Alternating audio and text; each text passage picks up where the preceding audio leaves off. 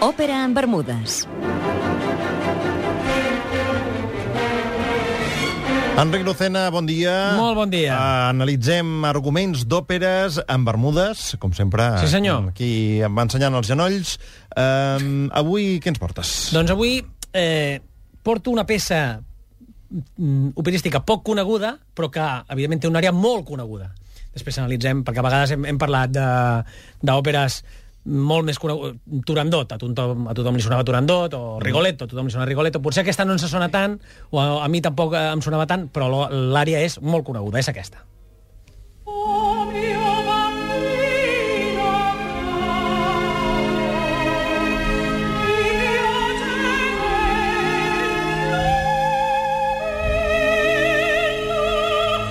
No és la primera vegada que l'escolteu. No, no és la primera vegada. anuncis, no?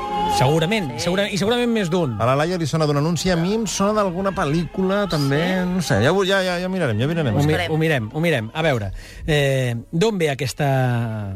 On podem trobar aquesta àrea musical? La podem trobar a l'òpera d'un acte de Puccini que es diu Janis Kiki i que forma part d'un tríptic d'un, diríem, de tres petites òperes que moltes vegades es poden veure juntes. Mm? Però són tres òperes que no tenen res a veure entre elles. Per tant, avui només parlem de Janis Kiki, l'argument d'aquesta òpera, que és una comèdia, i que està feta per Puccini. Puccini és un home que ja coneixem en aquest espai, eh? ja en vam parlar un altre dia. Mm, la Bohème, Tosca, Madame Butterfly, Turandot, que eh, vam parlar aquí fa unes setmanes, i eh, l'argument corre a càrrec de Giovacchino Fozzano, i, que estava, i està basat, atenció, en un episodi de la Divina Comèdia de Dante que dius, oi, a mi m'ha costat la Divina Comèdia de Dante. A millor no me l'he acabat. Eh, doncs anem a, anem a analitzar atentament aquest argument. Ara m'ha vingut al cap que crec que l'he sentit en una pel·lícula de Woody Allen. Ah, Woody buscant- Allen, Janis Kiki, Woody Allen. Busca, Ah. busca. A veure si ho trobem. Vinga, anem a escoltar el primer acte. bu- busca, busca tu, Claret, Bueno, que primer, vaig... i, vaig- primer i únic acte. Sí, primer i únic acte. Molt bé, Marc, molt bé. Atenció perquè... Flipareu, eh? L'acció passa a la Florència del segle XIII. Eh, els parents de Buoso Donati estan tristos, entre cometes, tristos, perquè Buoso Donati s'acaba de morir. I estan, estan tots allà. Resulta que el mort ha deixat tot el que tenia a un convent que és una cosa que en altres temps es veu que es duia molt, ara ja no es du tant, però ell tot el que tenia ho ha deixat a un convent. Eh, I estan allà tota la família. Doncs bé, Simone, que és cosí del mort, insin- insinua que si el testament estigués en mans d'un notari, doncs home, ja no es podia dir res. Però que si per casualitat no fos així i el testament encara fos a casa, doncs potser el podríem fer desaparèixer o que el mort no complís la seva darrera voluntat. I Per així com- no haver de deixar-li a les coses al convent i quedar-s'ho ells. Com saben què diu el testament? No se sap. No se sap. Vale. Però, en tot cas, eh, comencen a regirar per trobar el, Testament? el testament, gràcies. Eh, estem davant d'un argument que demostra que les relacions familiars tampoc han evolucionat gaire. Eh? L'òpera és del segle XIX, parla del segle XIII i sona ben actual. És a dir, els familiars, ai, que no ens deixa res, com ho podem fer? Impugnem el... No, Bueno, aquí no impugnaven res. Eh, la família, que maco la família, eh? que quan et mors només estan pensant en què els Bueno, has deixat. això. Bé, comencem, eh, comencen tots a buscar el testament del mort i Rinuccio, parent del mort, el troba. Llavors es troben allà tots perduts, aquí el tenim, però resul- resulta que necessiten assessorament legal. I diuen, ui, això és molt car. I Rinuccio diu, jo conec un home que ens pot ajudar. Janis Kiki. Ja, però assessorament legal, però no havien de fer-lo desaparèixer? Espera't, espera't, és que clar, és que... És, legal? és, No, no, necessiten no sap. algú... A mi m'agrada fer preguntes que diguis no se sap. No, però és que, a més a més, ell, sí, aquesta sí que me la sé. Ells el que volen és fer-ne un altre testament. Ah, Canviar-lo, no, no, substituir el testament. substituir-lo. Molt bé. i diuen, necessitem algun expert. I diuen, jo conec un home, es diu Janis Kiki, que com veieu és el títol de l'obra. Es porta molt això de eh, posar el nom d'un personatge a l'obra. Turandot, també de, de Puccini, Aida, de Verdi, Janis Kiki, també, ara en aquest cas, noms de personatges a algunes de les obres. És com, com ho diria, com Meteo Mauri, o Salvavides, eh? Posar el nom... Al, al... Aquesta idea no és ni del Mauri ni del Vives, eh? és de Puccini. Posar el nom del personatge a l'òpera. Doncs com si l'haguessin cridat en aquell moment... Apareix Janis Kiki, rotllo Superman, eh? Que no saps com, Pas, però passava per allà. apareix allà molt oportunament. I Janis Kiki apareix amb la seva filla Laureta. Ai, Laureta, Laureta. que mira tu, casualitats de la vida, es vol casar amb Rinuccio, que és el que ha trobat al, al testament. Eh? Que petita esflorència. Sí. és a dir, Rinuccio diu, espera que em penjaré una medalla davant del meu futur sogre i li aconseguiré una feineta. Diu, coneixes algú? Sí, jo conec un home, que és el pare de la dona amb la que es vol casar. Però no ho diu. Diu, li aconseguiré una feina al meu sogre. Jani, sogre, Janis, Kiki, vine. Mm? Rinuccio intenta aquí, clar, intenta fer bona vida familiar. Em seguiu? Més o menys. Sí.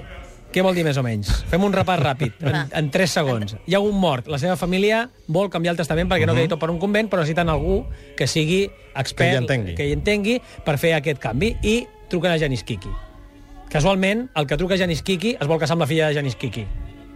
Fins aquí l'argument que hem explicat fins ara. Llavors, Zita, que és oncle de Rinuccio, aquest noi que es vol casar amb la nena, i, per tant, també del mort. El que passa és que no tinc molt clar quina relació tenia Zita amb el mort. Eh? És familiar, però no tinc molt clar no. per què.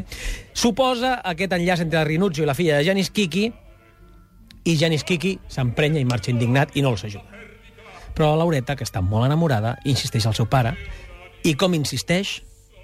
Cantant O mio babino caro. Oh. I hem de dir que moltes persones, Sí. entre els que jo m'incloia, pensaven que deia O mio bambino. Jo també te la va Sí? dir, dic, això ho has escrit malament, Lucena. És O mio babino caro, i és una àrea on ella li demana al seu pare que es deixi que, eh, que si no es casa amb Rinuccio, es suïcidarà. Aquesta cançó tan bonica que la gent posa el seu casament eh, Vol dir això, exacte. Hosti. vol dir que si no et suïcidaràs. És una àrea presuïcidi. Hem de dir que el suïcidi no arriba, eh? No, no, no en aquest cas. Però que sapigueu que poseu el casament en el cas de que ho vulgueu posar. Atenció a la solució, eh? Si ningú més que ell saben que el mort ha mort, poden redactar un testament nou, és el que dèiem ahir, tot i que no han d'oblidar que el que fan és un delicte castigat, atenció, amb la pèrdua de la mà esquerra i el desterrament. És a dir, que no només t'engeguen a fora, sinó que t'engeguen Sense mà. manc.